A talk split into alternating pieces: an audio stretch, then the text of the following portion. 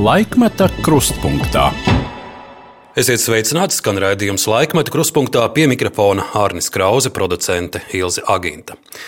Mūsu raidījums skan sestdienas pusdienlaikā, bet šodienas sarunas ieraksts notiek brīdī, kad aiz logiem jau ir satumsis.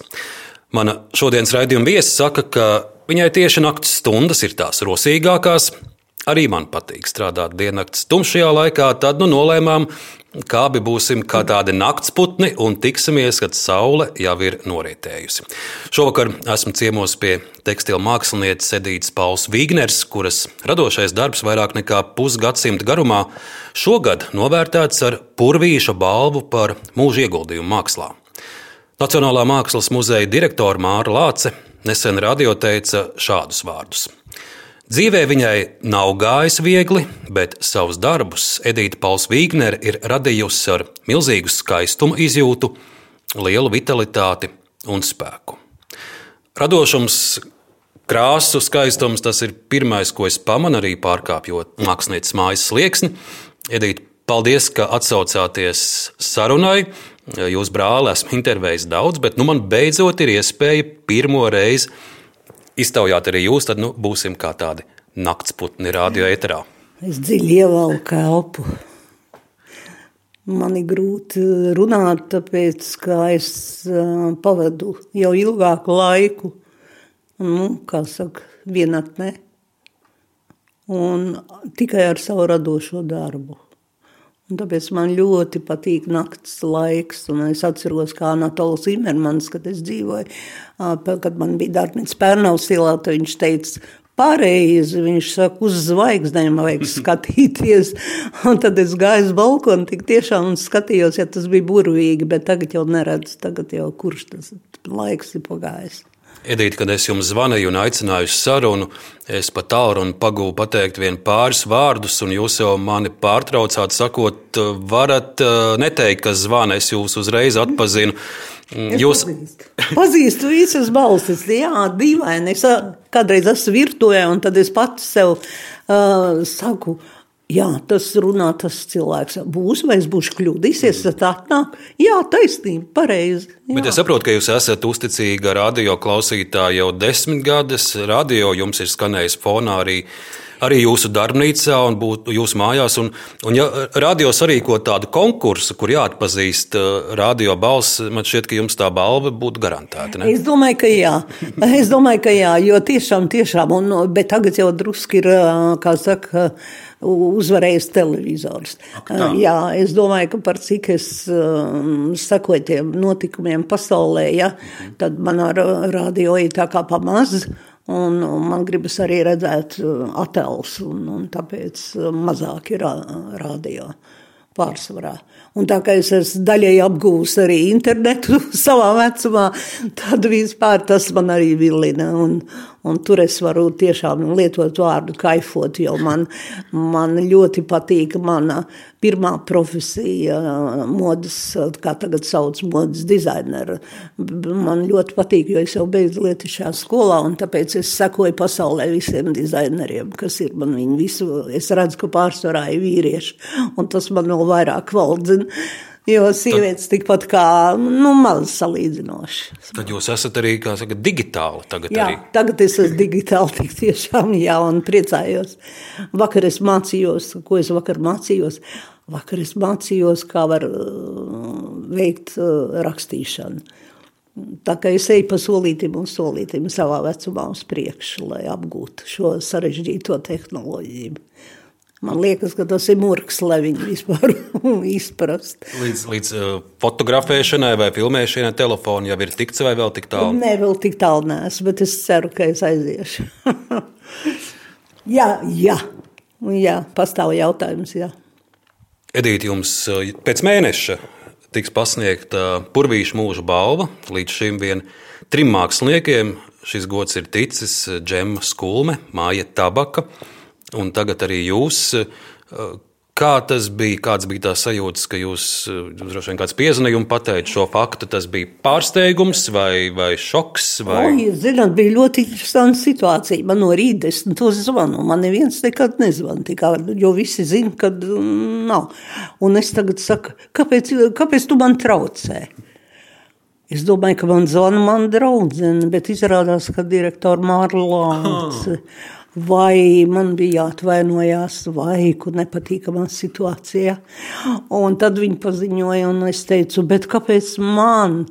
Kāpēc man? Jo tā taču ir domāta, man likās, ka tās ir tām kā sako, purvīts ir atzīmes tajā laikā bijis telniecība, glezniecība, grafika, tās ir pamata, ja?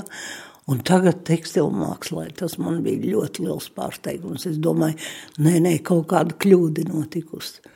Un Mārlāts mierināja, kāpēc gan ne? Kāpēc gan ne? Es pat zinu, ar kādiem vārdiem. Es pieļauju, ar kādiem Jā. vārdiem viņa mierināja. Viņa droši vien teica, ka nav jau svarīgs tas žanrs, bet tās jūsu idejas, laikmetīgās idejas. Nu, Kaut ko tādu viņa neteica? Nu, nu bez šaubām, bet uh, dabīgi, ka saruna jau notiek īsa un nedrīkst jau ko mēs tur no rīta daudz runāsim. Galvenais jau ir pateikts. Bet nu, man tas bija liels pārsteigums. Nu, ļoti liels pārsteigums. Jā. Pārsteigums, bet vai, vai šāda atzinība? Man liekas, ka man nav piemērota. Man pirmā mirklī likās, vai dieniņa tas nav. Tas ir domāts kādam vai glaznotājam, vai, vai, vai telnītājam. Nu, vienalga, bet tikai ne manā nozarē. Man likās, nē, nē. Nē, nē. Bet ir taču tomēr arī patīkami, ka novērtē. Nu, patīkami, ka novērtē, bet kaut kā tomēr tas purvīts manī ir iegājis kā tāda milzīga personība. Un, un tas ir mums simbols. Mums tas ir tā kā lietuviešiem čurlons, ja, viņi visi pazīst. Un mūsu purvīts tagad, kad bija Francijā tā izstāde, viņš taču tik lieliski izskatījās, tik saudavīgi vispār. Nu, nu, nu, tas ir mūsu, mūsu Latvijas. Un, Un tagad man, man pa ko? Tas man bija ļoti, ļoti neparasti, ļoti neparasts lēmums. Par jūsu darbiem, jūsu veikumu tekstilmākslā mēs šodien raidījumā runāsim un runāsim daudz un pamatīgi. Vēl par to, kas mums šobrīd notiek apkārt. Jūs, Edīte, dzīvojat artērijas ielā, es dzīvoju blakus ieroču ielai. Nu, šis ir tāds ļoti interesants. Ieroču un lielgabalu iela ir un, un kazarmu iela. Šis ir tāds. Jā. Dīvains ieroču laiks. Ļaudis, kurus esmu šajā raidījumā iztaujājis un kuri ir piedzīvojuši karu, viņi saka, ka viņu visu to, kas šobrīd notiek Ukrajinā, šo Krievijas un Putina agresiju, izjūt īpaši spēcīgi un sāpīgi, jo viņi ir savām acīm redzējuši karu Jā. vai Mazā meitene Edīte Ilģa ciemā arī pieredzēja kara dārdoņu, kara šausmas. Jā, redzēju, tur es varētu stāstīt un stāstīt, jo tēvs uzcēla bunkuru. Tas bija vienkārši smieklīgi, tāds smilšu bunkuriņš, un mēs gājām, nu es taču biju, es nezinu, cik man bija gadiņi tur, bet tas man, es iedomājos, ko tagad tie Ukrainas bērni, kā viņi reaģēs, ja es opaps atskrēju, opaps netālu dzīvoja no mums, viņš atskrēja tajā laikā, kad bija tāds pārtraukums, sirēnas gāja, un viņš gribēja zināt, kā mums iet, un vai mēs esam dzīvi un veseli. Un tad mēs devāmies prom uz laukiem, aizvedu uz vidrīžiem, tur mēs visi mitinājāmies, nu, un tur notika tas drausmīgais notikums, kas notika man brāli. Viņam taču, viņi, es biju klāt tieši tajā momentā, kad kaimiņu zēns uzaicināja un knibināja pie pie uguns, kā saka, pie plīts, un atskanēja sprādziens, un es tikai redzēju, ka brālim viss seja ir vienās melnās lāsītēs, ja? un, un domāju, ka viņš paliks akuls. Ko viņi knibināja, kādu patronu? Jā, kā... viņi knibināja, jā, un, un tas bija šausmīgi, un tā seja pilnīgi, man viss atceros, visa melnām, melnām lāsītēm. Nu, un tajā laikā nāca iekšā drosmīgi tie krievu zaldāti. Viņi izskatījās briesmīgi, vai ne, bet no viņiem dabūja uh, ziedi. Viņiem tāda ziedi bija pret uh, šādiem gadījumiem, ja, kad aplaucēs seju. Ja. Un paldies Dievam, mammai Tā bija mammas otrā faktiski traģēdija, jo mammai pirmais puisīts arī nomira. Un, un tagad da, otram puisītim tāda nelaime, bet paldies Dievam. Bet tas neko nedēva. Viņam pārdaugā viņš atkal iegāja šķūnītī un skribināja um, patronu, maziņu patroniņu un, un pirksts karājās rādītāji. Viņš jau to rāda, viņam tur ir ēta vai ne. Un, un viņš man pieteica, nesaka nevienam, nesaka, bet es aizskrēju pie Opapa, Opaps atnāca Un, un mēs visi, bet uh, atnāca tēvs mājā no darba, bet ko viņš darīja tēvs, kā jūs domājat? Šodien teikt ārprāts, kā var tā arī. jā, vai? Viņam bija tāda, kur viņš ar bārdznazu to siksnu vienmēr, to bārdznazu uzasināja. Ja? Un viņš taču paņēma tam brālim, un es tādu meita noklačoju. Jā, arī to vārds noklačoja. Viņš viņu paņēma un viņš nevarēja palīdzēt zem gulta apakšā. Nu, Jā. Un, un, un saņēma, un šodien teikt, kā jūs varat tā uzvesties. Ja? Bet bija tā jādara, jo, jo viņš taču jau sāk no četru gadu mācīties klavierus un pirksts tagad viņam vēl tagad ir ēta. Un paldies Dievam, sadzīja un viss ir kārtībā. Bet cik aizgāja bojā no viņa klases, palika viens dēls, bija Ābelīte, tāds pēc uzvārda. Nekas nepalika pāri. Tad no manas klases mamma nesta žagars mājā un atskatēja sprādziens, jo iekšā bija bū. Vi- Aizgāja bojā. Tad mana viena meita noprecēja. Es domāju, kā viņu var noprecēt. Viņam nebija ausis, viņam nebija deguns. Un viņa aprecēja, un bija bērniņi. Un visi, es domāju, kādu upuri, lai es katru dienu skatītos uz cilvēku, kuram nav. Tas ir briesmīgi. Un tad es redzēju, akal, kad uh, akls ir, kad akl bija noprecējis ārste. Viņi gāja kopā vienmēr, un viņi turēja viņu vadā, jo viņš bija akls. Tā kā cilvēki uzupurējās, bet notikumi bija šausmīgi. Vai iebrucēju rīcība tagad Ukrainā jums kaut kādā veidā atgādina arī, arī bērnību, kad uh, Krievi ienāca toreiz Rīgā, un uh, es saprotu, ka, ka bija arī kāds, kas jūsu mājā ievācās. Pat. Vai mums bija pavisam traģiski? Man brālis par to negrib runāt, jo viņš jau cilvēks ir savā tajā dzīvē, viņš ir visu laiku radošā. Te, viņam tas tā, ne, bet es esmu, man var raksturot kā tādu vērotāju. Es vienmēr visu ļoti labi ievēroju. Un, un tas man ir tāda īpatnība, varbūt es nezinu. Un es Atcerējos, ka tēvs stāstīja, kad viņi lūguši trīs lidotāji ieradās. Ja? Turpat mums ir spilvs aerodroms. Bija. Un, un viņi lūdza nakts mājas. Nu, un vēl viņš teica, jā, viens cilvēks bija esot simpatisks, tāds ar kādīs, bet principā viņi redz šķīrās, jo Krievi jau gaida vācieši nāca iekšā. Bet kas notika 45. gadā? 45. gadā ierodas viens no šiem lidotājiem. Viņš bija mehāniķis, laikam, pēc profesijas. Un viņš paņēma, atveda sievu un teica, mēs te dzīvosim. Un sešus gadus dzīvojam, mēs gājām ārā uz toaleti. Un neviens jau to nezina. Tas bija drausmīgi vienkārši. Un, un, un viņi iekšā, un, un tētim viss bija jātīra un jāatsako, un, un vairs to nevarēja māma izturēt, bērnu aug, un, un tad aizsūta, kā saka, aha, viņš pats uzrakstīja Hruščovam. Uzrakstīja Hruščovu, man ir viss dokumenti arhīvā. Uzrakstīja, ka, ka, viņu, ka viņam neļaujot tur elektrību, neļaujot un ko tur vispār, un, var sakot, izteicis pārmetums. Un vienalga tiesa pateica, ka ka piešķir viņam vienu telpu, un tad notika brīnum. Viņi devās, kur viņi palika, to es nezinu. Tā kā viņi pazuda vai atgriezās varbūt savā dzimtenē, kur to es nezinu. Bet, Bet vienu brīdi jums ar šiem, šiem iebrucējiem, jā, okupantiem vai toreiz atbrīvotājiem saucamajiem bija jāsadzīvo. Jā. Jāsadzīvo, un galvenais viņa smēķēt pa maharku, un tās maka, vai ne, mēs jau neko nejaucām, nekādu sienu netaisījām, caur durvis spraugām nāca iekšā. Vispār tas bija briesmīgi, tas bija briesmīgi. To nevar. Un tā būs vēl apzaga. Tad iekāpa logu zaldāts, kamēr mammiņa aizgāja uz zundu. Viņai vajadzēja malku, jo mums jau nebija jakurina bija, vai ne? Un, un viņa atgriezās un iekāps bija pa logu. Un visu iznesa ārā, un turpat jau sācis tirgot. Tēti mētelis, viss, kas no Latvijas neatkarības laikiem bija. Man tur vēl bija kurpītas, laka kurpītas un kleitiņas un tēva mētelis, un, un viss tas bija paņemts, kā saka, un uzvalks, kā saka, tā laika nu, ļoti skaisti, kas saglabājies. Ir. Un tas viss bija, un viņš bija tirgojis jau, un tad kaut ko dabūja atpakaļ, man tā atmiņā ir. Tā kā, nu, tā kā ir aibgājis. Bet bijis arī pozitīvs gadījums. Tad paps jau mūs aizved uz vidrīžiem un pie mammas māsas.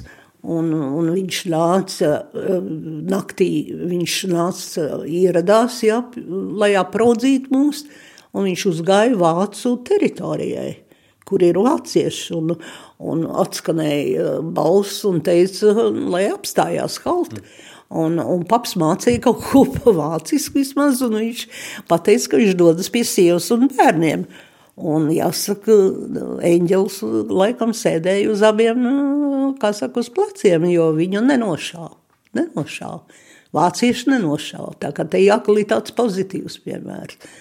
Nu, kā tas dzīvē ir, notiek. To iebrucēju barbarismu, kur piedzīvoja daudzi un par kur jūs stāstījāt, šobrīd pieredz Ukraiņa. Un Jā. karam sākoties un visām tām emocijām, kas ar šo visu saistīts, esot jums tapa arī darbs, gaisma, tumsa asinis. Jā, man tāds bija darbs. Bet es arī taisīju kronīti vienu, ko es veltīju tieši Ukrainai jau tajā laikā. Kad man iznāca 2006. gadā grāmata Koronetis, jā, tur es vēl tieši tai, tiem notikumiem, kas notika 14. gadā.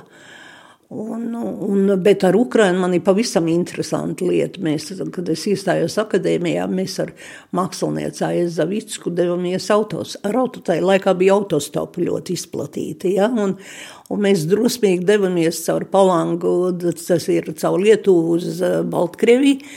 Un uh, Baltkrievijā mūs atstāja drausmīgi iespēja, bet, kad tagad es atceros Ukrainu, nu, tad man pilnīgi sagaidīja milzīgie salpuķu lauki un kukurūza milzīgā augstumā, un mūs uzaicināja mājās. Es jau, es jau vienmēr esmu vērotājs, skatos, kur aug puķis uz logi, es zinu, ka tur ir kārtība, ka tur ir viss, iemjot ir iekšā, tur ir četri spilveni ar mežģīnēm, iz, nu, lieliski mums iedod šķēras, lai mēs ejam un griežam vīnogas, un lai ēdam, cik mēs gribam, un, mm. un tad es sēdu pirmo reizi kukurūzas maizi, bet viņi ļoti ātri sakalst, bet ļoti garšīgi.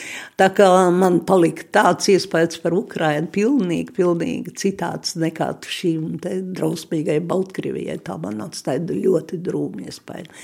Viņi tur sēdēja melni un tumši, samuškas un kaisīja, vai ne, bet Ukraina spoža manā atmiņā ir. Tāpēc es ļoti pārdzīvoju to, kas tur tagad notiek, jo tur būs droši vien viss pilns ar mīnām un, un kā viņi to labību varēs, jo viņi taču tik daudz palīdz ar savu, ko viņi ražo, viņi taču vienreizēji čakla tauta skaista tauta. Man atmiņā palika ļoti vīriešu kārtas cilvēki, ļoti skaisti. Un tagad es skatos, ka tie cilvēki aiziet un domāja, kā tas ir, kā to var visu pārdzīvot un izdzīvot. Tas nav prātams, saprotams.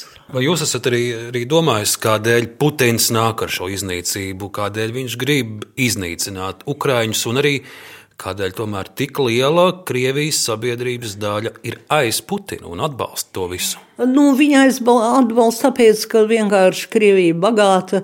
Es jau esmu padomu laika produkts, un es esmu strādājis ļoti daudz līguma darbus, tā, bet es esmu to darījusi pareizi, jo principā arī lietuvieši savā laikā pareizi rīkojās, ka viņi saņēma naudu. Viņi uzcēla viņiem brīnišķīgu arhitektūru. Viņi saprata, ka viņi var to darīt, ka tas ir jādara. Un to viņi izdarīja vienreizēji. Um, mēs to tā ne, bet šī gadījumā mākslā citādi mums jau nebūtu nekāda iespēja to. Bet, tad, bet tas jau bija viņu aprēķins, jo viņiem jau vajadzēja tomēr parādīt, ka, ka lūk, kā strādā, teiksim, un, un, un Baltijas valsts bija nepieciešams. Bet, lai teikt, ka normāli izstāde, um, parasti viņu 16, 15 republikas, tās izstādes ir briesmīgas. Ja tev blakam darbam ir mm. turkmeņu vai uzbeku vai ne, tur jau ne, nav vairs tas etiskais, tur ir tieks sajaukts. Bet tā kā man bija personāla izstāde, ne, tad jau tas ir pavisam savādāk. Bet runājot tieši par šodienu, par to, ko Putins dara Ukrainā, Socioloģiskās aptaujas rāda, ka, ka ar vienu ļoti daudz uh, krievu saka, Krievijas iedzīvotāji saka, tas ir pareizi. Vajag tos, tiem ukrāņiem ierādīt savu vietu. Vai jūs esat? Jūs esat jūs sakat... Nē, es domāju, ka tas ir viņa, tas ir viņa iekšā. Ja, saprotiet, man bija izstāde tieši pirms, tieši Covid laikā. Man uzaicināja, par cik es ļoti tādā, es apsveicu Krieviju kādā ziņā, ka viņi nodibināja tekstilu mākslas trenolu. Un es domāju, mums ļoti maz ir palicis pasaulē, kur mēs varam piedalīties. Ja? Un es viņus apsveicu to, jo tas ir brīnišķīgi. Un pie tam Cerīcinā ir atjaunots fantastiskais muzejs. Es viņu neredzēju dzīvē, jo es neaizbraucu, bet tur ir lieliskas telpas. Visu to ir Luškovs paveicis, ja? tā laika mērs, kas bija. Un es domāju, tas ir lieliski, kad ir trenāli, tur varēs eh, starptautiski virzīties, tur piedalīsies mākslinieki. Es viņus pat apsveicu, jo tas bija tiešām jauki, un man viņi piepieši uzaicināja un ar personālu izstādi. Bet es sapratu, kāpēc es esmu tur vajadzīga, jo Tad, kad paziņoja rezultātus, tad apmeklētāju skaits bija 65,000, bija apmeklējuši mani izstādi. Un paldies Dievam, ka tā izstāde beidzās līdz ar kara sākšanos. Ja viņi, ja viņi būtu vēl palikusi, es droši vien darbs nedabūtu atpakaļ. Bet kas man nepatīk, kas man vienkārši satrauc, un es atbildēšu uz to jautājumu, ka viņi bija atbraukuši šeit pie manīm mājās, tad, lai apskatītu, pārbaudītu vēlreiz, kā tie darbi ir un tā. Tad viņam pirmais jautājums bija, kāpēc jūs eh, Krieviju ne, nemīlat? Un es viņiem teicu, bet mēs no, tauta no jums baidās. Baidās. Un es novirzījos vairāk, es ne, jo es redzēju, ka viņi man sāks pa daudz izprovocēt. Un tagad es domāju, ko viņa to domāja. Tagad, ka viņa pie sevis domāja, ka es viņai tos vārdus pateicu, baidās. Nu, un tagad Somi, Somi taču bija tik draudzīgi. Viņi laida iekšā, pat krievu naudu pieņēma. Un tagad paņēma un atdalījās. Tas, kas, ko tas nozīmē? Ko tas nozīmē? Viņiem vienkārši ir. Ja viņi arī mūs, mēs darījām tos darbus, līguma darbus veicām, tas bija tikai vajadzīgs. Viņam mūs nelutinājām. Un to jāsaprot, ka impērija viņiem ir dziļi iekšā, Tāpēc to jau mēs redzam arī šeit, ka viņi gāja pie pieminiekla. Bariem, bariem. Man bija tik, es domāju, tā kā viņi iet ar tiem plakātiem. Tu pārdaugavā uzvaras. Tas bija drausmīgi. Es domāju, bet man arī jāiet. Tad. Man taču tēva brālis ir čērs piekārt, viņa kapvieta nav zinām, viņš krita pie kurskas. Otrs brālis bija leģionāros, ja, tātad brālis pret brāli. Un viņi, un viņi iet, es arī likšu savu to tēva brāli uz to uh, portretu un iešu tur pie. Tas taču ir nenormālība. Nenormālība, kā viņi uzvedās, kā viņi vispār. Viņiem iekšā ir tā, um, tāpēc es domāju, kaut ātrāk. Es brīnījos arī par Mārku Čīnski, ka viņš teica, lēnām, tagad pat viņš lēnām, lēnām jāapgūst kriolot. Kāda Kurš, kurš krievs aizbrauc uz Vāciju vai uz Krieviju, viņam ir jāiemācās. Tas ir normāli, ja tu cieni, bet tas norāda, ka necieni. Tāpēc man zina, par ko man tagad ir prieks par Kazahstānas dziedātāju Dimašu. Cik viņš, kā viņš izved savu valsti pasaulē kā viņš izved, kā viņš tagad runāja par kāru, kā viņš, kā viņš ģērbjās, viņš ievērot savu tautas tradīcijas, viņš parāda, kādi viņam ir mūziķi, kādi Kazahstāna pilnīgi ir, nu, es nezinu, cik jau pasaules malās. Unikāls vispār, unikāls. Un tikai dzieda, varbūt viņam viena dziesmiņa ir, varbūt ir uh, angļu valodā, bet viņš pārsvarā tikai savā kazaku valodā. Vai jūs esat arī sakojusi, kā Krievijas inteliģence ir reaģējusi uz šo karu? Jā, mēs redzam, ir uh, Līja Hadžakova, varbūt nu, vēl vienīgā, daži pāris, no, bet, bet vairums arī mākslinieku, aktieru, režisoru, mūziķu. Viņi, viņi ir aiz, nostājušies aiz Putina. Nē, viņiem ir impērija, nu, to, jau, to jau nevar noliegt. Viņi vienalga, viņi ir pieraduši ņemt uh, pieraduši izmantot un izmantot, un, un tā, bet nu, laiks pienāks, un es domāju, ka viņi, ka viņi tomēr saņems atpakaļ to, ko viņi nodara šai tautai, jo Ukraiņi nav tikai cietuši vienreiz, viņi jau ir divreiz piedzīvojuši drausmīgu badu, to, ko, ne, to jau nevar, to nevar mm. cilvēks Nē, to nevar vispār, to nevar vispār izturēt. Nu, nežēlības augstākā. Tagad pat vakar, ko ziņoja, kur viņi ir galvu nogriezuši, tas jau ir, nē, tas aiziet pāri visam. Tur trūkst vārdu. Tāpēc es priecājos arī, ka Ivars Kalniņš izteicās. Tas ir patīkami, kad aktieri tomēr arī pasaka savu vārdu, kurš pazīst, vai ne? Kurš nepazīst, tas ir tā, bet Ivars tiešām jau ir Tā kā prieks, prieks man. Edīte, dažādas laiks, dažādus karus, dažādas varas ir pieredzējuši arī jūsu senči. Mūsu raidījumā dažkārt es arī mēģinu paskatīties Jā. kaut ko radu rakstos. Nu, nu, protams, Pauli ir jau izpētīti krustu šķērs, mm -hmm. un mhm. Jānis Peters pat ir uzrakstījis grāmatu. Bet, nu, šo to es paskatījos. Varbūt šis tas jums ir redzēts un zināms, varbūt arī nav. Es jums īsi parādīšu. Šeit ir jūsu vecās mātes, jūsu tēta mammas Aleksandras Paulas dzimušas, dzimušas Četiniks. Jā. Pirmā pase 23. gadā, tādu Jā. jūs viņu atminat, nu te viņa gan vēl tādā jaunības bildē. Jā, te viņa jaunība, bet var pazīt, var pazīt. Var pazīt jā, jā, bet eh, redzēs nav pirmo reizi redzu šos dokumentus. Un te jā. ir jūsu vecais nu, tēvs nu, Ādolfs, jūs pat viņam izstādi veltījāt arī. Jā, jā, viņš jau bija vienreizē spēlējis. Viņš jau pat prata violu spēlēt, un, mm. un, un vispār viņš bija unikāls, nu, ārkārtīgi kārtīgs. Es domāju, ka viņam noteikti kaut kāds vāciešā tādi gēni, jo viņš bija nenormāli kārtīgs. Viņš pat manam tēvam aizrādīja, ka tu nenoliec instruments vietā, vai tu esi tikai, jo viņš bija ārkārtīgi, ārkārtīgi kārtīgs. Un 23. gadā pie viņa nodarbošanās mēs redzam stiklu pūtēs. Jā, un viņš saņēma, viņš atalgojums bija ļoti labs, jo es sapratu, ka viņi varēja sākt būvēt māju Ja? Bet uh, tomēr mūža beigas viņš dabūja pavadīt desmit gadus. Viņš kļuva akls, jo tā profesija ļoti smaga. Ļoti smaga. Un šis būs uh, Jānis Jāņa dēls Četiņiks. Viņš ir jūsu vecās mātes Aleksandras brālis. Jā, nu, jā. Jūs viņu nevarējāt Droši vien redzēt, jā, bet arī redzat šeit pie viņa nodarbošanās stiklu taisītājs. Tā kā jums pa abām tēta līnijām abi ir abi stiklu taisītāji. tas ir ļoti labi uzrakstīts. Jā, tad, Edīt, te ir vēl viens dokuments, tas ir jūsu tēta Valdemāra, bet viņam dzimšanas apliecībā rakstīts Vladimirs. Jā, jā. Dzimšanas ieraksts un savukārt Te ir rakstīts, ka tātad jūsu tētim tētis ir Ādolfs, Ādolfa tētis ir Raimons vai Raimons jā, Pauls. Jā, jā.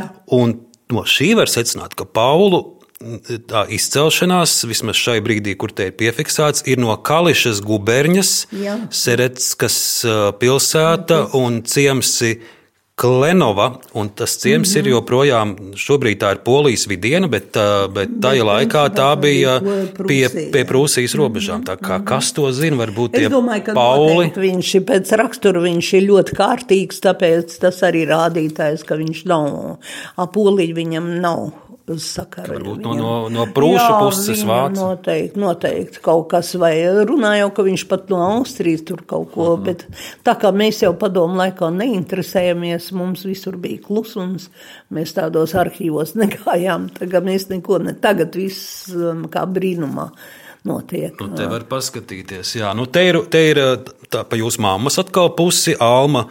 Matilde Brodele. Šī ir Jā. viņas dzimšanas ieraksts Pēterupes baznīcā. Jā. Tā tad dzimusi Neibādē, jeb Saukrastos. Jā, Neibāda piemin, bet uh, es atceros, ka stāstīja par Neibādas kuģi, kas tur ir slīts pāri. Tur, tur ļoti liela nelaime notikusi. Šeit tātad ir jūs, jūsu māma Alma Matilde, viņas tētis jā. Burhards, interesants vārds Burhards, Antons. Burhards, Burhards, jā. jā. Viņam skolā, uh, manam mammas brālim jautāja, jo skolotājs teica, tu painteresējies, tev ir ļoti interesants uzvārds, jo Brodels raktās ar divēlu Brodels. Tā, bet uh, tagad viņš visu laiku gāja kā Brodelis Brodels, Līs, jā, jā, nu, un vēl vienu dokumentu parādīšu. Nezinu, vai par šo jūs esat uh, zinājusi, kas ir jūsu vecmāma. Te ir jūsu vectāva uh, zinu, dzimšana, jā. 1880. gads. Masalaca, Jesperu mājas, Jesperu mājas, Jesperu jā, mājas jā, jā. un, un jūsu vecā tēva tētis ir Toms Brodels, un Mhm. jūsu uh, vecā mamma, tātad jūsu vec, vec, vecmāma ir Anna Jā, Kreišmanis. tā, tas man ir pilnīgi svešs. jā. Tātad jūsu to es dzimtā, jūs tagad zināsiet, Tagad jūsu es dzimtā ir jā. arī Kreišmaņu Jā, uzvārds. Veco tēvu es zinu, bet, eh, bet eh, nē, Kreišmaņu nē, nezinu. Tas man eh, tagad jūs man iepazīstināt. Ah, Net, ko nozīmē? Jūs vairāk zinat nekā es. Edīte, dažus no, no jūsu tuvākajiem, jūsu māmu, jūsu tēti, mēs eh, tūlīt ieraudzīsim arī kino kadros. Eh, Jūsu vecāki ir bijuši klāt arī vairākās jūsu izstādes atklāšanās, un tāpat arī Paspēja, ir paspēja, fiksēts arī jā. jūsu darba process pie stēlēm darbnīcā. Bet, Edīte, un es skatos Nacionālās bibliotekas digitālajā arhīvā. Jūsu vārds, kā Edīte Vīgnere, pirmo reizi ir pieminēts 1967. gada aprīlī. Un tad nu mazs citāts. Laikraksts padomu jaunatne, ļoti skanīgs virsraksts, Ļoti patika uz batiku. Drīz Mākslas akadēmijas telpās atklās studentu patstāvīgo darbu izstādi. Ļoti interesants darbus izstādē piedāvā tekstilmākslas nodaļa un lielāko daļu tehnikā, kura gūst arvien plašāku popularitāti batikā. Interesanti strādājuši gan Līvija Aksementova un Aija Baumane, gan Vija Sējāna un Baiva Māzere. Ļoti daudzveidīgas saturā un toņos ir Edītes Vīgneres batikas. Viņas darbus vairs neustveram kā krāsainus drānus gabalus, tie jau kļūst par savdabīgām gleznām. Te ir pieminēta, piemēram, viena rīts. Tā veidot uz zīda auduma, vieglais zīda mirdzums vēl vairāk pastiprina saulaina rīta iespaidu. Nu, Edīt, šī Jā, ir jā, pirmā bet- reize, kad, kad sa- Jā, plašāka jā. sabiedrība par jums uzzina. Jā, jā, bet tur jau ir pārspīlēts. Man jau tā liekas, ka tik naivi tas sākums bija ļoti naivs. Jo batika jau ir ļoti sarežģīta vispār, nav tik vienkārši. Mēs tā sākām to mm, kaut kā iepatikās. Viss tās vasku mēs tur ņēmamies un darījāmies. Jā, bet jums jau pašam, man liekas, ir um, um, pašreiz uh, atgādināt batikas tehniku jūsu apģērbā. Mans džemperīts nu, Jā, ar kaut jā. kas uz to pusi. Kā jūs pamanāt? Ir, jā, es to jau momentā pamanīju. Es tikai neko neteicu. Es klusēju, jo man ļoti patīk. Man ļoti patīk arī, kad ir uh, šie visi apģērbi, ja, ka viņi nav ar, ar uh, apdrukāti briesmīgi, bet ja viņi jau ir eleganti, kaut kāda maza zīmīta, tikai kāds burtiņš vai kāds tāds mazsīgs elementiņš, bet tagad jau liek portrets uz vēderiem un viss tas man vairs nesaist. Es Edīt zināju, ko Tā, vilkt nākot pie mākslinieka. Ļoti, ļoti skaisti, ļoti. Es jau nu, noklusēju. Bet, bet, nu- bet no manas džemperīša atpakaļ pie periodikas, Jā. un nākamais raksts ar jūsu pieminējumu ir 1968. gada žurnāls Zvaigzne. Un te ir rakstīts, ka šogad akadēmijas diplomu saņēmuši 30 jauni mākslinieki. Un daži no viņiem ir te nobildēti, un tad mēs redzam tādu mazu bildīti, vai tik tā nav edīta jūs mēs pie stēlēm. Jā, jā. Un te ir apakšā mazs parakstīns. Tagad audēju pulkam pievienojusies Mākslas akadēmijas tekstilu daļas mākslinieca Edita Vīgnere, Jā. kuras daudzie gobelēnu met- meti liecina par izkoptu gaumi un teicamu izdomu. Oh, jā, jā, ļoti. Tā laikā jau ļoti žurnālisti tā ļoti spoži izteicās. Bet man ļoti patīk, ka bija atnācis foto, mm, fotomākslinieks Jānis Ljublinskis, un viņš saka, noņemiet to dakšu nost. Bet es viņam saku, bet es taču ar to strādāju. viņam likās, ka tas nav īsti labi. Un vēl tikai viens, viens pieminējums no periodikas, te būs 69. gads, bet kādēļ man šis likās svarīgi, jo te ir stāsts par to, ka atsevišķas izstādes līdz šim rīkojuši keramiķi, koka apdares mākslinieki, metālisti. Šodien savu pirmo izstādi atver mākslas audēji. Pāri par 30 autoru rāda ap 70 darbu. Ekspozīcija apskatām valsts aizrobežu mākslas muzejā, un Šī ir literatūra un māksla, 69. gada oktobris, un šeit ir liels jūsu darbs fotografijā. Oh, bet bet tā ir, bet tā ir gobelēna miniatūra, bet Jā. fotografija ir liela, un tā Jā, ir jā, Gunāra. Janājuša fotografija. Tā ir Gunārs jau ļoti daudz piestrādāja. Man jau viņam ir daudz fotodarbi. Ļoti žēl, ļoti labs cilvēks un ļoti labs fotomākslinieks. Jā, viņu vairs nav šai pasaulē. Bet tātad tas pats pirmais raksts, kur jūs esat pieminēti, ir ar šo skanīgo nosaukumu Patika uz Batiku. Un kas īsti, kas īsti ir Batika? Par to ir stāsts kino žurnālā Māksla. 1967. gads, režisora Biruta Veldre. Jā, Un- Biruta Veldre, Un viņa- stāsts ir par jūsu batikām. Mazs ieskats Edīta kino kadros, jā. kur būs arī jūsu tie pirmie darbi redzami. Jā, Paskatīsimies! Var paskatīties, Labi. jā. Batika. Kas īsti ir batika? Tā radusies Javas salā sen. Latvijā batikas uzplaukums sācies tikai pēdējos gados. Aha, redz, kur es esmu. Zīda vai plānas koku vilnas vispirms ar rotu klāja izkausētu vasku, lai saglabātos baltās vietas. Arī ko mans puisīts ir.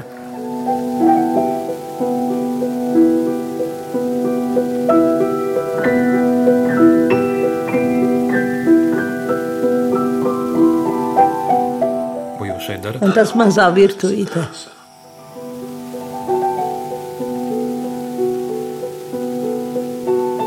Pēc izžāvēšanas atkal uzklājam jaunu vaska kārtu tur, kur vēlamies paturēt iegūto toni. Tāda darbība atkārtojas pēc vajadzības.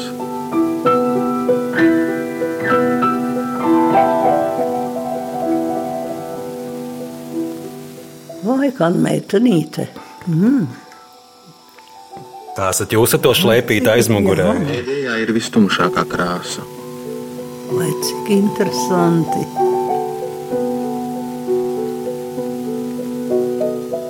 Nav neviena krunciņa, sēņa gluda ir.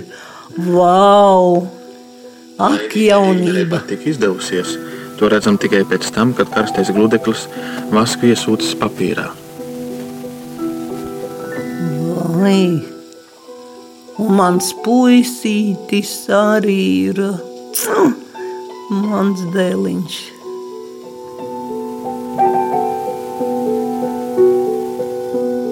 Ļoti jauki, ļoti jauki. te arī jūs- Nebija maza telpa, bija virtuvītē maziņa telpa. Tagad jau ir cita vieta. Un tā arī jūs pirmie darbi, un cik labi, ka kino arhīvs saglabā arī tās krāsas. Ļu- Man liekas, ļoti laba kvalitāte. Tagad jau iet eh, pa citiem maniem kolēģiem, laikam, iet tālāk. Knāviņa Bo-. Jā, Bogstoja arī. Nu, mēs esam jau visi sasnieguši spēcīgu vecumu. Ļoti jauki. Nu, Lūk, šāds, šāds dokumentējums no 67. gada. Šodienās, kas, kas ir saglabājies, nu jau sāk bailes palikt, tā jau var nezinu, ko atklāt. No nākamā fragmenta nebūs jābaidās. Jā. Tas ir 1974. gada dokumentējums režisore Laima Žurgina. Mhm. Un uh, šī kinodarba nosaukums Spēle ar dzīpariem. Uh, Tas ir stāsts par uh, tekstilmākslas uh, Simpoziju. simpoziju. Tas bija pirmais starptautiskais simpozijas vēl brīnišķīgajā mūsu namā, kuru vairāk nav. Tas ir dzintaru, dzintaru radošais nams, ko mēs zaudējām pēc neatkarības iegūšanas. Milzīgs zaudējums. Nu, te mēs arī paskatīsimies, un, un, un, un tad jūs varat arī pakomentēt, Jā. ko mēs redzam. Jā, un, nu, parasti jau viss bija sakārtotā programma, kuru vajadzēja apciemot un skatīties mūsu vietas. Troļļi, rūķi, meža gari, Meža gara. arī pūces bērni vai kādi citi meža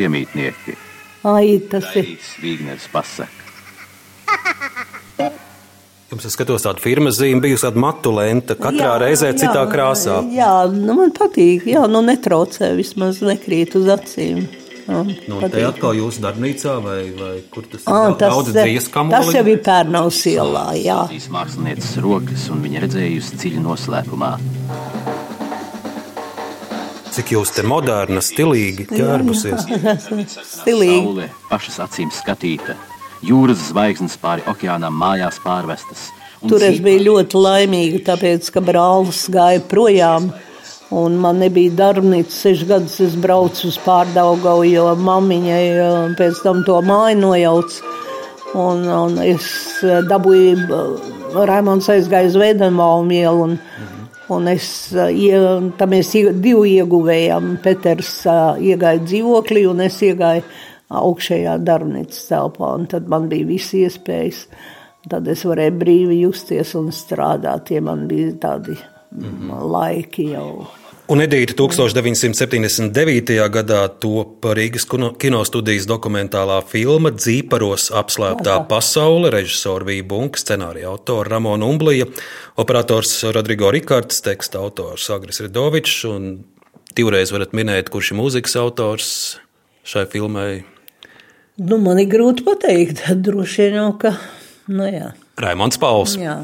Nu, lūk, bet uh, šis darbs ir uh, svarīgs ar to, ka šeit ir dokumentēts šeit gan jūsu darba process, jā, process jā. gan šeit mēs redzam jums blakus arī jums pašus svarīgākos jūsu dzīves cilvēkus. Jā gan jūsu dēlu, gan jūsu vecākus, tad nu, arī es Edīti piedāvāju dažus fragmentus paskatīties no šīs mm -hmm. dokumentālās filmas, kas ir tapusi 1979. gadā. 79. gadā, jā.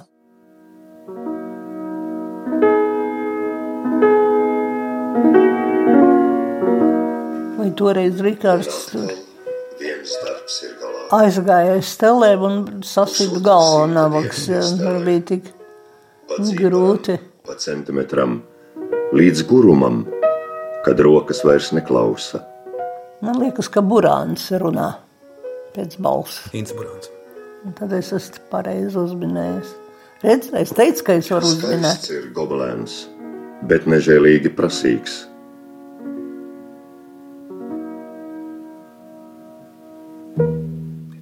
Tie ir lieli smagumi, ko jūs cilājat. Šausmīgi. Tagad es nevaru tagad es nevarētu nevienu pacelt vairs. Nē. Nekādā gadījumā. Pieglausts un sakārtots, šis audums tagad ceļos uz izstādi. Bet kamēr to iekārto, nedaudz par mākslinieci. Sākums lietišķās mākslas vidusskola, bet varbūt vēl agrāk, bērnībā, kad vecāki iemācīja nebīties darba Režisori bija brīnišķīgi, bija bunga, bet arī aizgāja ātri no dzīves. Viņa sirsniņa laikam. Lūzums. Savu mākslinieces sūtību Edīte ierauga dzīparu rakstos. Vai, ko interesanti. Vai, ko interesanti redzēt, vai ne? Un tad nu, e, te būs fragments, kur jums ir jūsu pati pirmā personāla izstāde. Oh, tā ir ļoti. Gribat, Edīt, atgriezties šajās atmiņās? Jā, tas ir interesanti, jo tā bija augsta zaļa ziema, bija tiešām bija kādi 30 grādi saules, un, un tie cilvēki stāvēja ārā. Desmit gadu darba, pirmā personāla izstāde.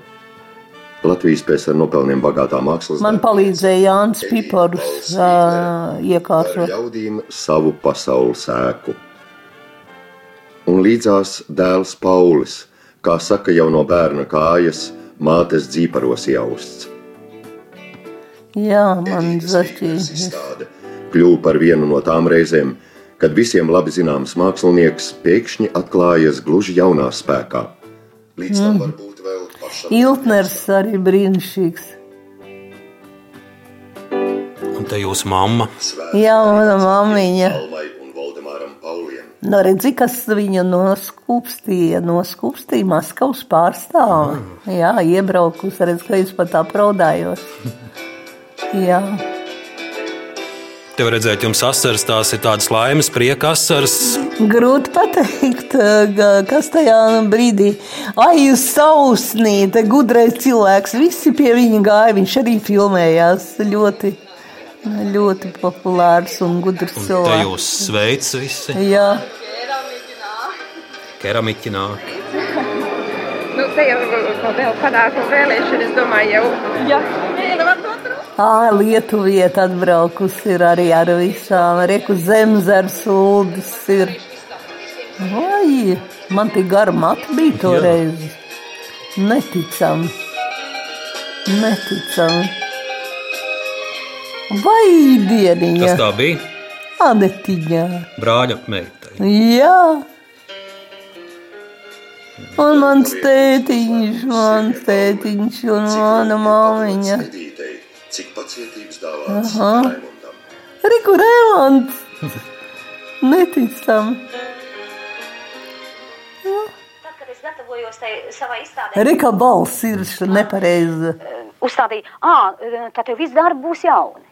Nu, tas, ir, tas ir tā, ka tev, es nezinu, es sirdī pilnīgi kā ar nāzi ziedurās, jo, jo man pat bija tā, ka es šogad biju sarakstījusi, vai ne cik es idejas varētu realizēt. Nu, un kas tad iznāca galā? Faktiski tikai divas, divas, divas savas idejas noved līdz. Tā kā, tāpēc es gribu, lai drusku saprot, ko var, kas ir iespējams. Un to jau nezina arī, teiksim, cits profesijas mākslinieks. Nu, tā balss ir tās skaņas Jā, ieraksta, jā, bet, pilnīgi cits bet ieraksts. doma jau te ir skaidra, ko jūs gribējāt. Jā, bet, pateikt. eh, bet principā bija ļoti. Te jau vēl ir uzlabota. Tagad es jūtu, ka ir uzlabota, bet vairāk bija, vēl vairāk. eh. Bet citādi bija uzņemts ļoti interesanti. Man liekas, ka labi dokumentēts bija. Ļoti labi.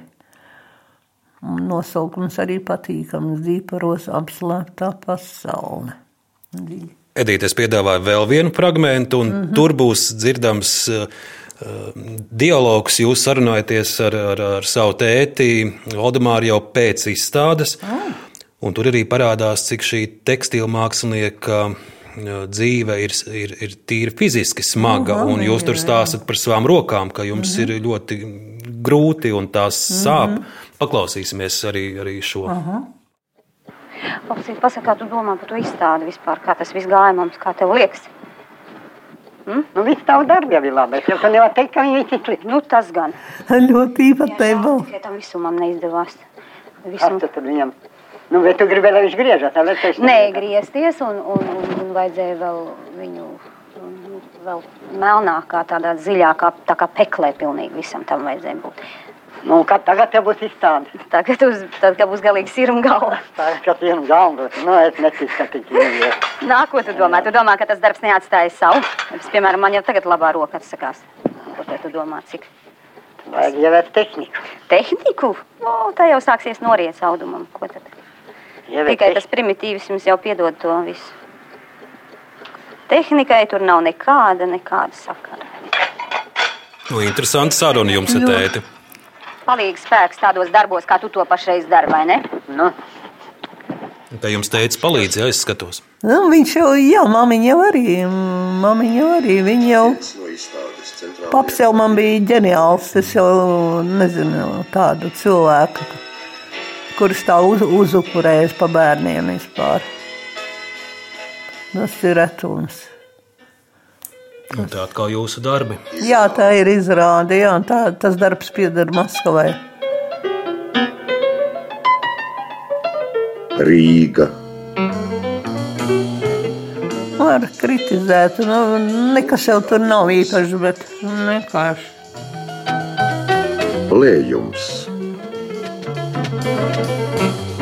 Krāsās nav. Tas nav tik labs krāsas šeit. Te ir savādāks, pavisam vājāks, vājāks krāsas. Mūži.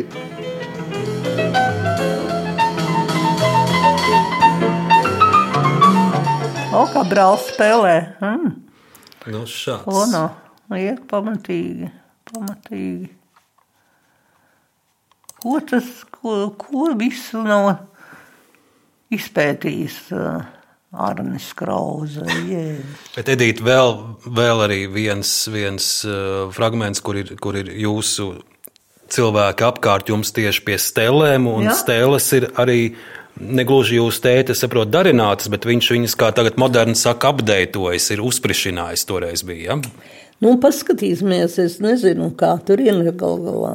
Parasti jau ir tie vilcēji, kas nāk palīgā tos valkus uztīt. Tur vajadzēja veselu, kā saka, Komandu. Ja? komandu, jā.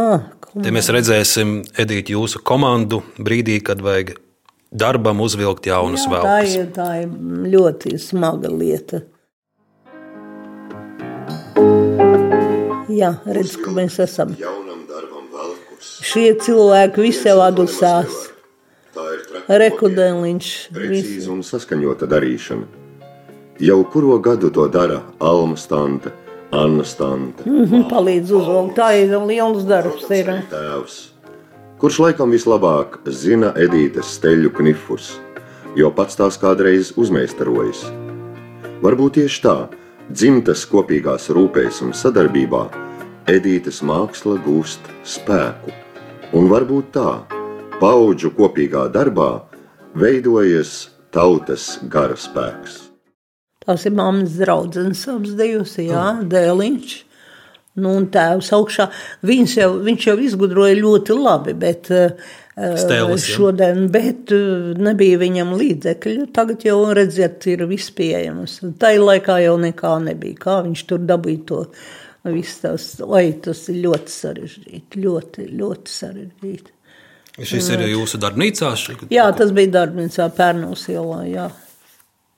Pēc tam es aizgāju projām no darbnīcas, jo nevarēju vairs sastāst tālāk. Man jau veselība bija, saka, cietusi, un es jau atstāju tagad.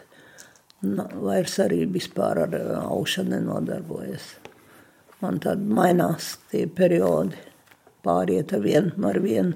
Vecums rada, tas ir tas viskaistākais laiks, kad tev pārsteidzošais vecums uznāk, ka tu vairs nevari tos darbus, ko tu kādreiz neskāts pauliņas, tagad liekas, ka tā vispār nav iespējams viņus panest. Nu, tāda, tāda ir dzīve, neko nevar darīt. Neko nevar darīt. Edīt, bet tagad mēs pārliksim uzreiz par 30 gadiem uz priekšu. Vēl uz pat trīs gadiem? Jā, uz priekšu. Un uh, šeit būs uh, fragments no 1999. gada oktobra sižeta Latvijas televīzijas panorāmā. Sižeta autori ir Ilza Jaunalksna, žurnāliste, kurai ar šis droši vien bija viens no pirmajiem uh, sižetiem televīzijā. Viņa ir filmējusi mm, svarīgu notikumu, Edīts Pauls Vīgners izstādes atklāšanu. 99. gada oktobris, 10. oktobris. Skatāmies! Ar ciklisku regularitāti tekstilmākslinieces desmit gadus izstādes notiek jau kopš 79. gada. Jebkurš pārdzīvojums, sāpes, kāds ceļojuma iespējas, tas viss iegūst atspūgu gobelēnos, ko gan mākslinieces darbi vēst par pēdējo desmitgadi. Viņš ir interesants, un tāpēc arī darbi man tur tikko uzzina, kad bija neatkarība, Krievija bija neatkarība, tur man ir tāds darbs invāzija, agonija, te viss jau liecina, tur, kas tajā laikā notika. Šī ir pirmā desmitgades izstāde, kuru neredz mākslinieces tēvs, tāpēc dziļi personisks un mīļš ir viņam veltītais darbs. Tēva praktiski Dzels cilvēks. smaidu, tāpēc arī dzels cilvēkā izmantoti tēva instrumenti. Savukārt brāļa Raimonda Paula politiskai karjerai mākslinieks nepievēršas, jo viņa augstu vērtē brāli kā mūziķi. Brālis ir vienreizējs puika, kā mamma viņu sauc, puika. Bet jūs saprotat, tas ir cilvēks. Es, es nezinu, uz viņu var paļauties. Viņš var, viņam ir ārkārtīgi smags humors. Mēs viņu devējam par karāto humoru. Viņš var iznīcināt, viņš ir pateicis jau daudz ko tādu. Klavieres spēlē arī mākslinieks dēls Pāvils, bet izstādē tiek pausts kāds cits dēla radošais talants. Pašas mākslinieces spēja mainīties Tas ir šeit? izstāde. Izkārtotās interesanti. kolāžas ir veidotas no kādreiz nīstā, bet tagad iecienītā materiāla sintētikas. Mākslinieks pieļauj, ka izrotaļājoties ar materiālu dažādību un krāsu gamām, nākotnē varētu pievērsties kaut kam tīram un vienkāršam.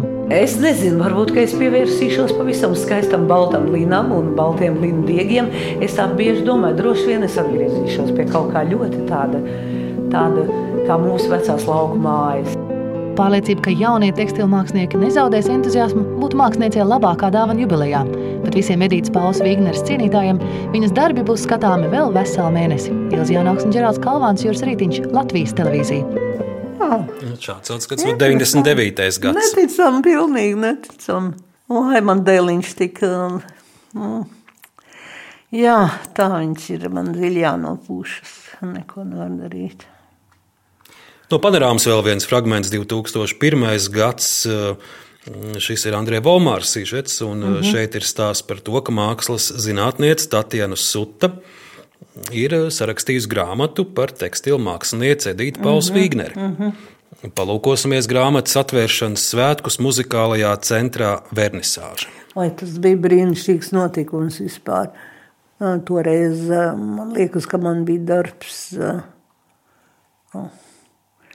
Es aizmirsu jau nosaukumu. Un, un tur es darbā attēloju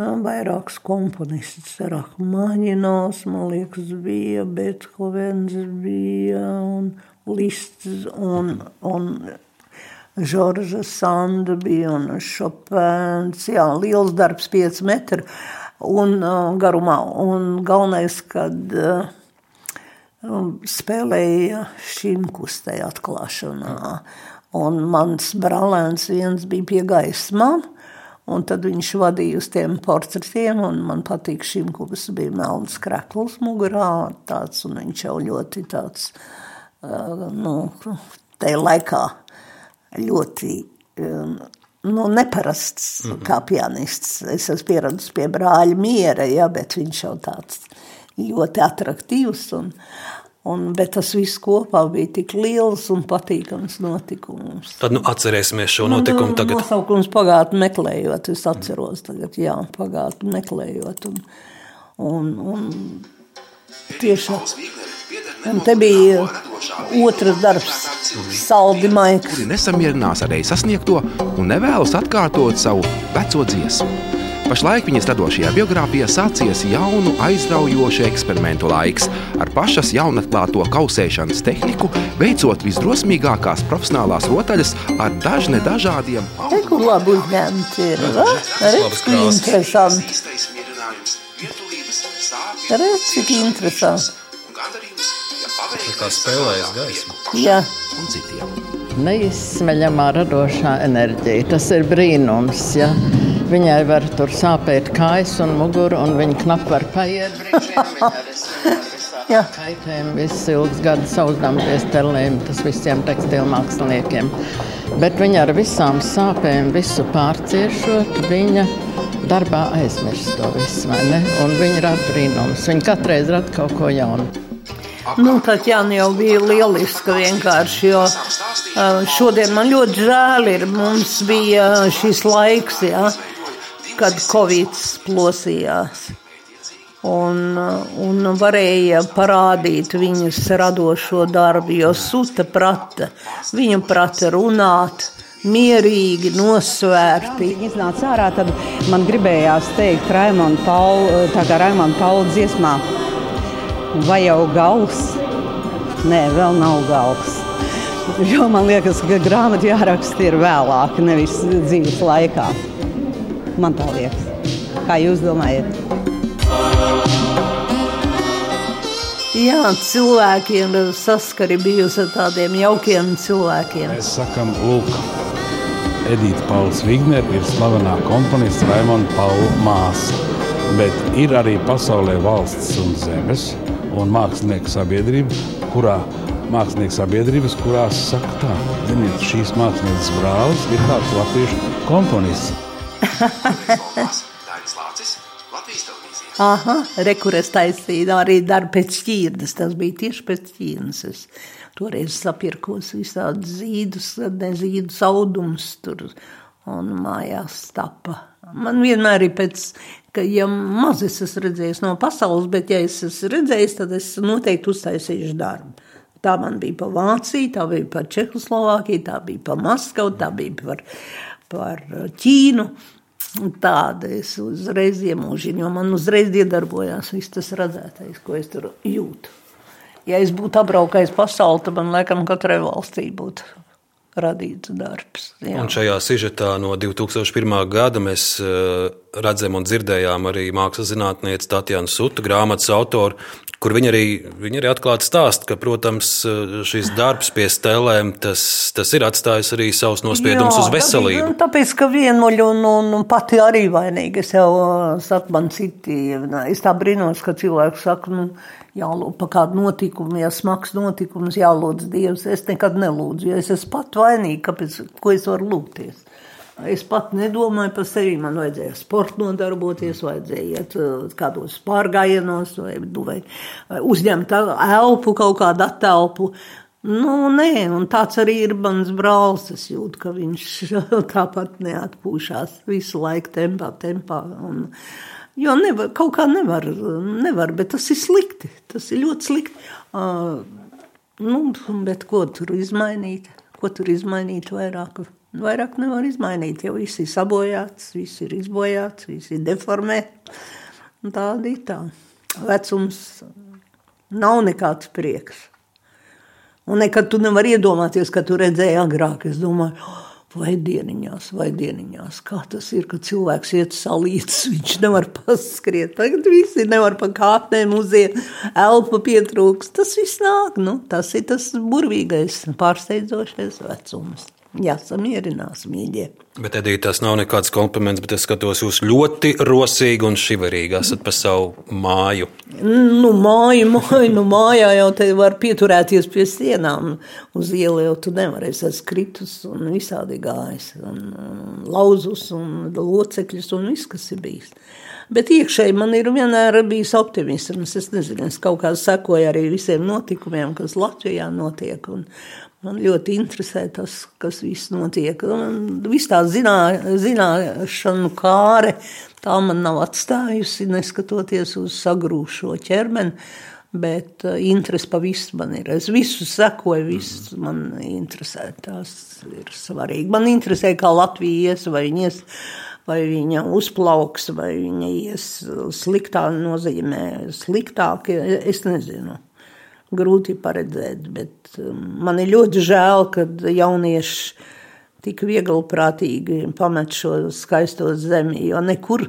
Es nezinu, kā var palikt kaut kur citur. Um, es kā ieraugu tās lielpilsētas un tos milzīgos pūļus. Man, Man liekas, ka te, es lūdzu, lai Latvija neceļ pie sevis. Es lūdzu, lai neceļiet debeskrāpjas.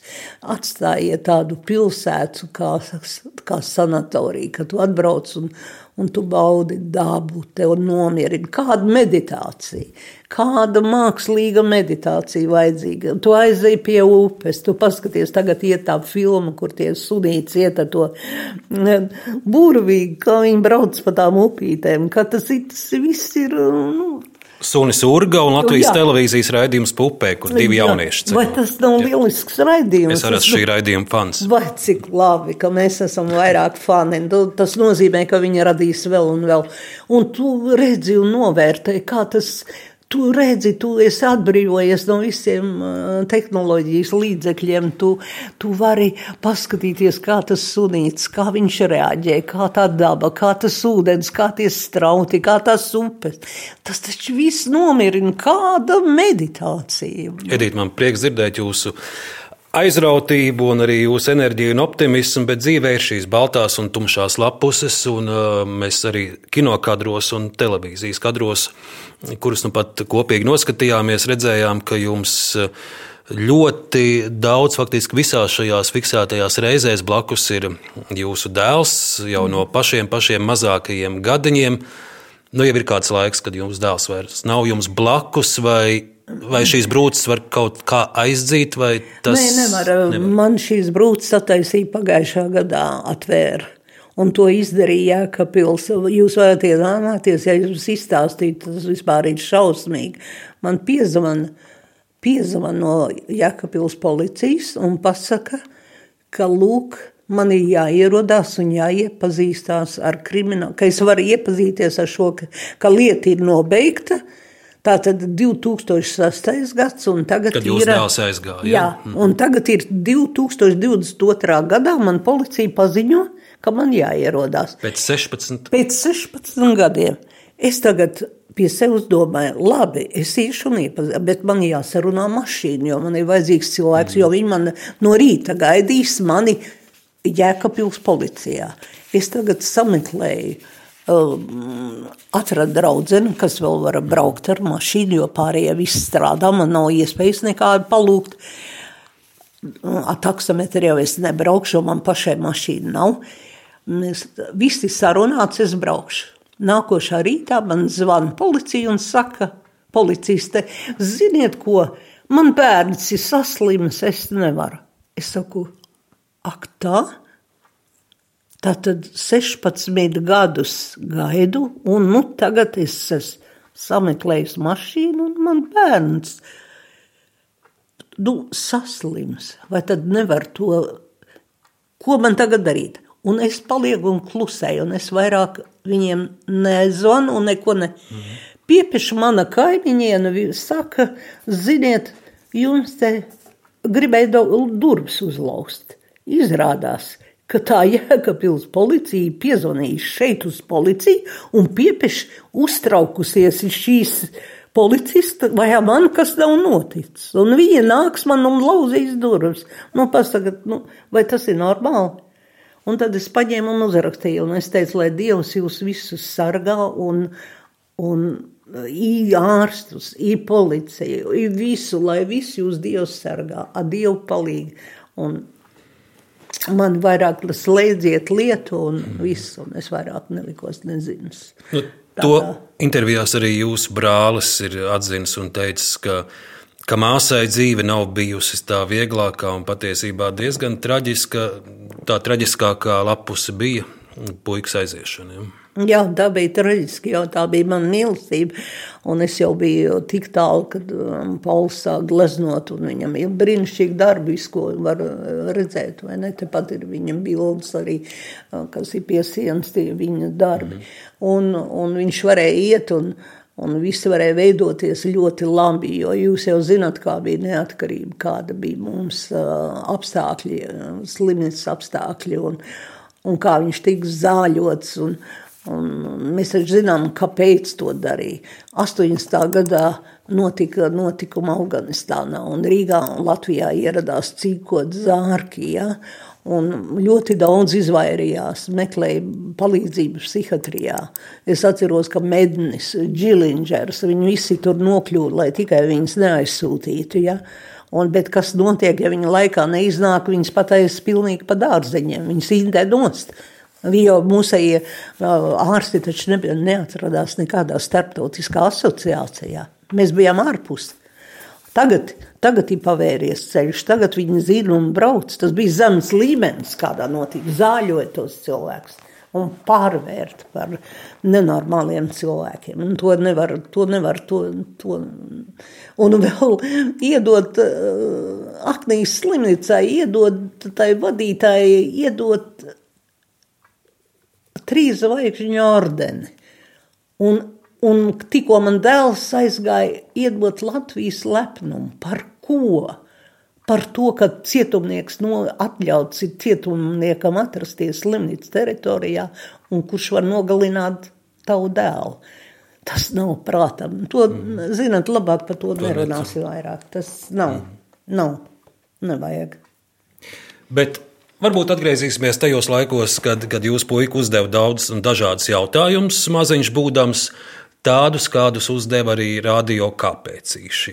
Es... Jā, Pāvils, jā, viņš jau man bija ļoti jūtīgs un, un varēja viņam būt tiešām liela nākotne, bet visi izšķīra tieši profesori nāva, to sākās mums viss nepatikšanas.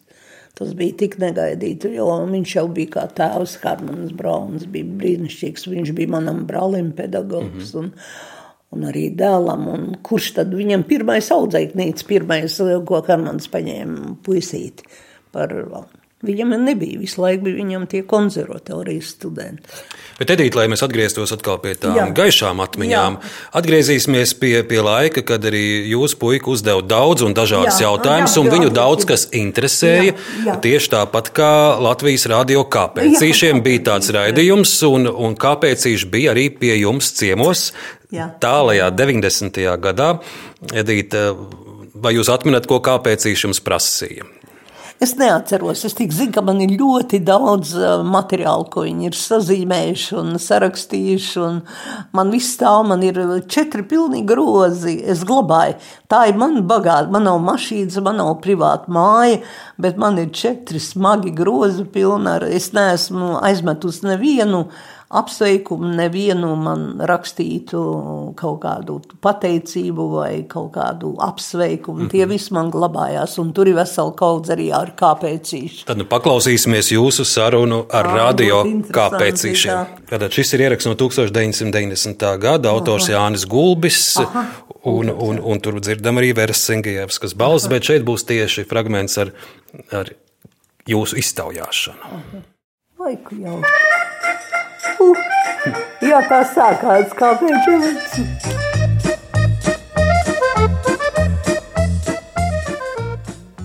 Un šīs ir stēles.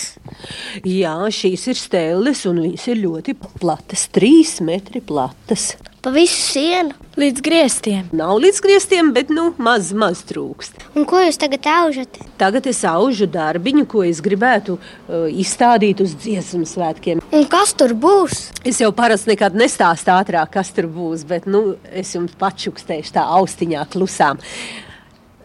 Es gribu uztaisīt tādu mazu senlatviešu istabiņu kur būs pūlādītas, skāpītas, nīcas brunči un, un vainadziņš un ziedi, līgos ziedi. Bet jūs aužat no apakšas, jā? Ja? Tas jau tā notiek, tikai redzat, ka tas audumiņš tīsies ap rullītriņķī. Viņš jau pazudīs, viņš jau satīsies, un es redzu tikai to daļiņu, 30 cm. Bet kā jūs zināsiet, pareizi izaust? Kā pareizi izaust? Lai cilvēki izskatītos pēc cilvēkiem. Lai dārsts būtu vienādā lielumā. Lai viss būtu kārtībā. Nu, mākslinieks jau tāds īpatnējs ir. Varbūt vienam galvam lielāk, vienam mazāk. Mākslinieks atšķirās no cilvēka tomēr. Tā kā viņam nav tādi noteikti likumi. Te kosā kamolīši. Daudz kamolīšu un visādās krāsās. Cik? Vai dieniņās nevar jau saskaitīt nemaz. Kur jūs tos dabūjāt? Nu, viņi vēl neradās tā. Vispirms nopērk eh, tādās eh, ficītēs dzīņu, un tad tikai sakrāso, un tad satina kamoliņos. Liels darbs ir. Pati krāsoja, jā. Kad man mammiņa bija dzīva, tad mammiņa man sēdēja vienmēr un tinta, tad, kad es sakrāsoju. Tad viņi man satina kamolos, jo tas ir liels darbs. Nu, šādi jautājumi, šādas kāpēcīšu izzinošas. Vai, cik tas bija sirsnīgs un mīļš. Tas atkal liek varbūt atkal uz dzīvi tā gaišāk paskatīties. Vai, nē, noteikti. Es jau uh, esmu pārgājis tai robežai, uh, jo nav jau nozīmes. Un tagad, uh, kad ir Ukrainā karš, tad es, vien, es tā vienmēr apmainu sevi it kā. Uh, Un, un tad es jūtu, bet tur taču arī ir pasaulē nelaimes, un vēl drausmīgāk, un vēl briesmīgāk. Tad es nomierinos. Un tad es samierinos ar to likteni. Neko nevar darīt, jo to nevar izmainīt. Bet kāpēc īši tas bija tiešām cilvēkiem patīkams un mīļš raidījums? Un kā viņi man sūtīja tur visādus tos um, apsveikumus un sazīmējuši, un viss. Tas man viss ir, tikai jā. Nezinu, kā lai es visu to vienot, jārestaurē. Ja dzīvošu nākošu ziemu, tad sākšu pētīt, kas tur viss nav. Noteikti nevajag nemaz arī ziemu gaidīt, var jau arī šo vasaru jau sākt. Ir, nu, nē, nē, pietiek jāiet paelpot svaigs, jā, skābekli, jā, citā drēbs galva. Edīte, es jums apzināti visas šīs stundas garumā neko nevaicāju par jūsu brāli, Maistro Raimonu Pauli. Jo, ah. jo tas, es esmu ievērojis, ka intervijās dažkārt pusi, pusi sarunas aiziet jums par brāli. Man, man, man šoreiz vairāk, protams, interesē izzināt jūsu pašu, bet, bet nu, nevar, arī, nevar jau to brāli nepieminēt. Ne? Nē, brāli jau vajag pieminēt. Viņš jau ir ārkārtīgi darba rūķis, milzīgs darba rūķis. Ko viņš nav radījis? Man pat žēl, ka viņš ļoti izšķērdīgs ir ar melodijām. Ļoti izšķērdīgs. Tikai... Nu, mēs nu pat dzirdēsim, tūlīt es uzlikšu jums vienu melodiju, viņš, kuru viņš savā diskā ir veltījis jums. Jā, viņš veltīja visiem. Viņš tā kā priekšlaicīgi jau man to disku viņš uzdāvināja. Jā. Es zinu, zinu, zinu. Māsai.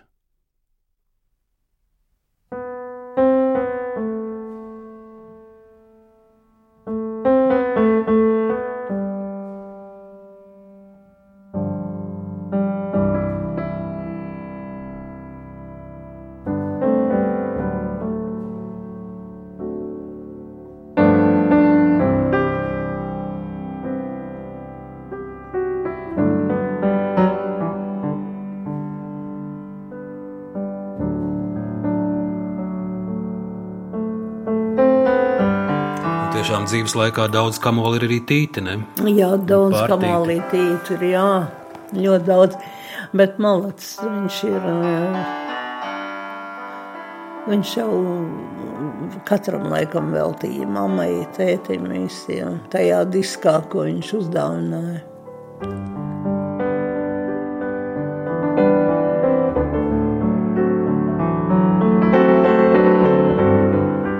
Edīt, mēs arī šodien sarunā patinām jūsu dzīves kamolu. Jā, patinām. Dažādi tie dzīpari tur ir un bijuši varbūt arī kāds pa kādam mezglam, bet, bet kas ir tas, tas no šodien redzētā, dzirdētā, kas, kas jums paliks kā tāda gaiša atmiņā, atkal satikšanās, dota daudz dažādu krāsu. Mēs arī šodien redzējām un jums mīļu tuvu cilvēku.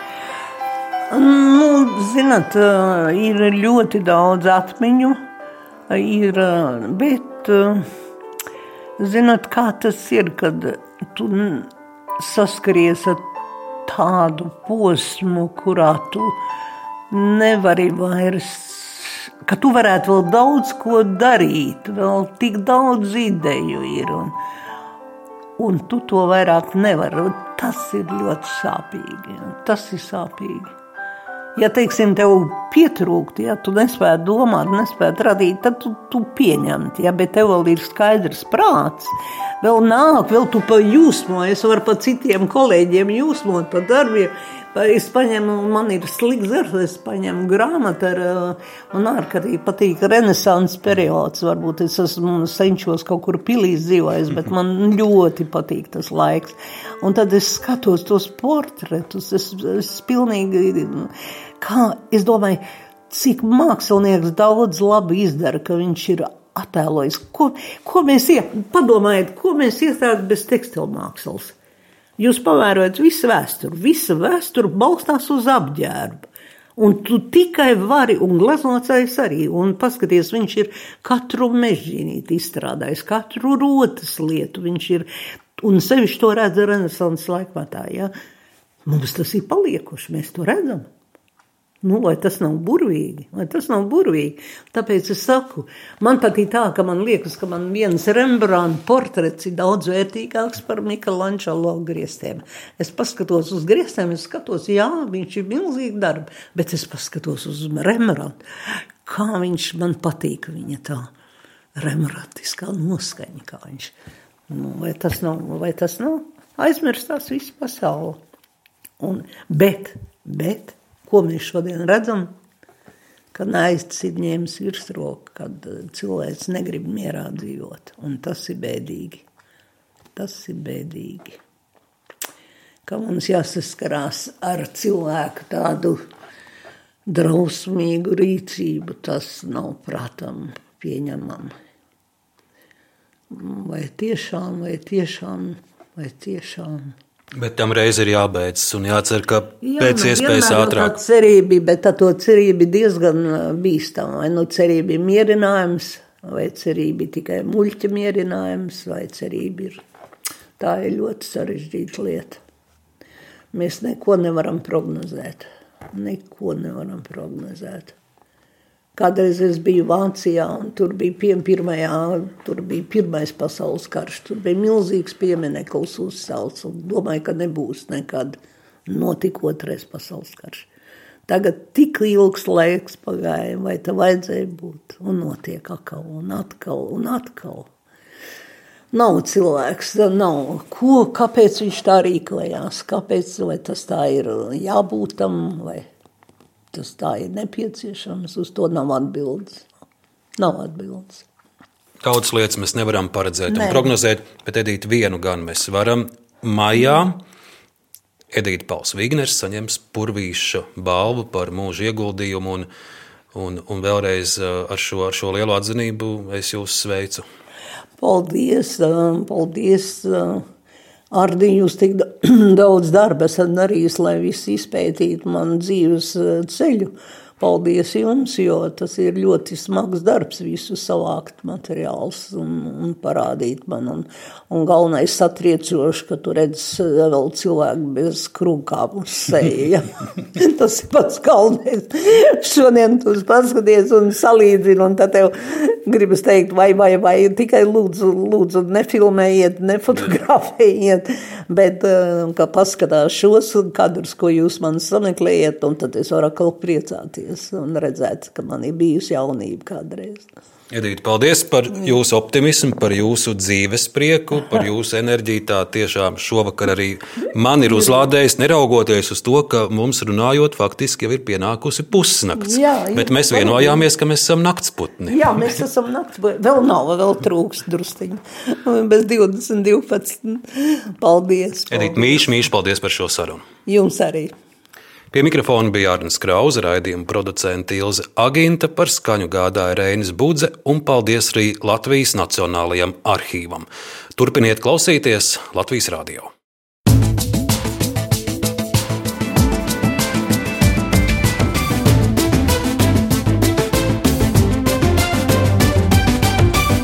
Laikmeta krustpunktā.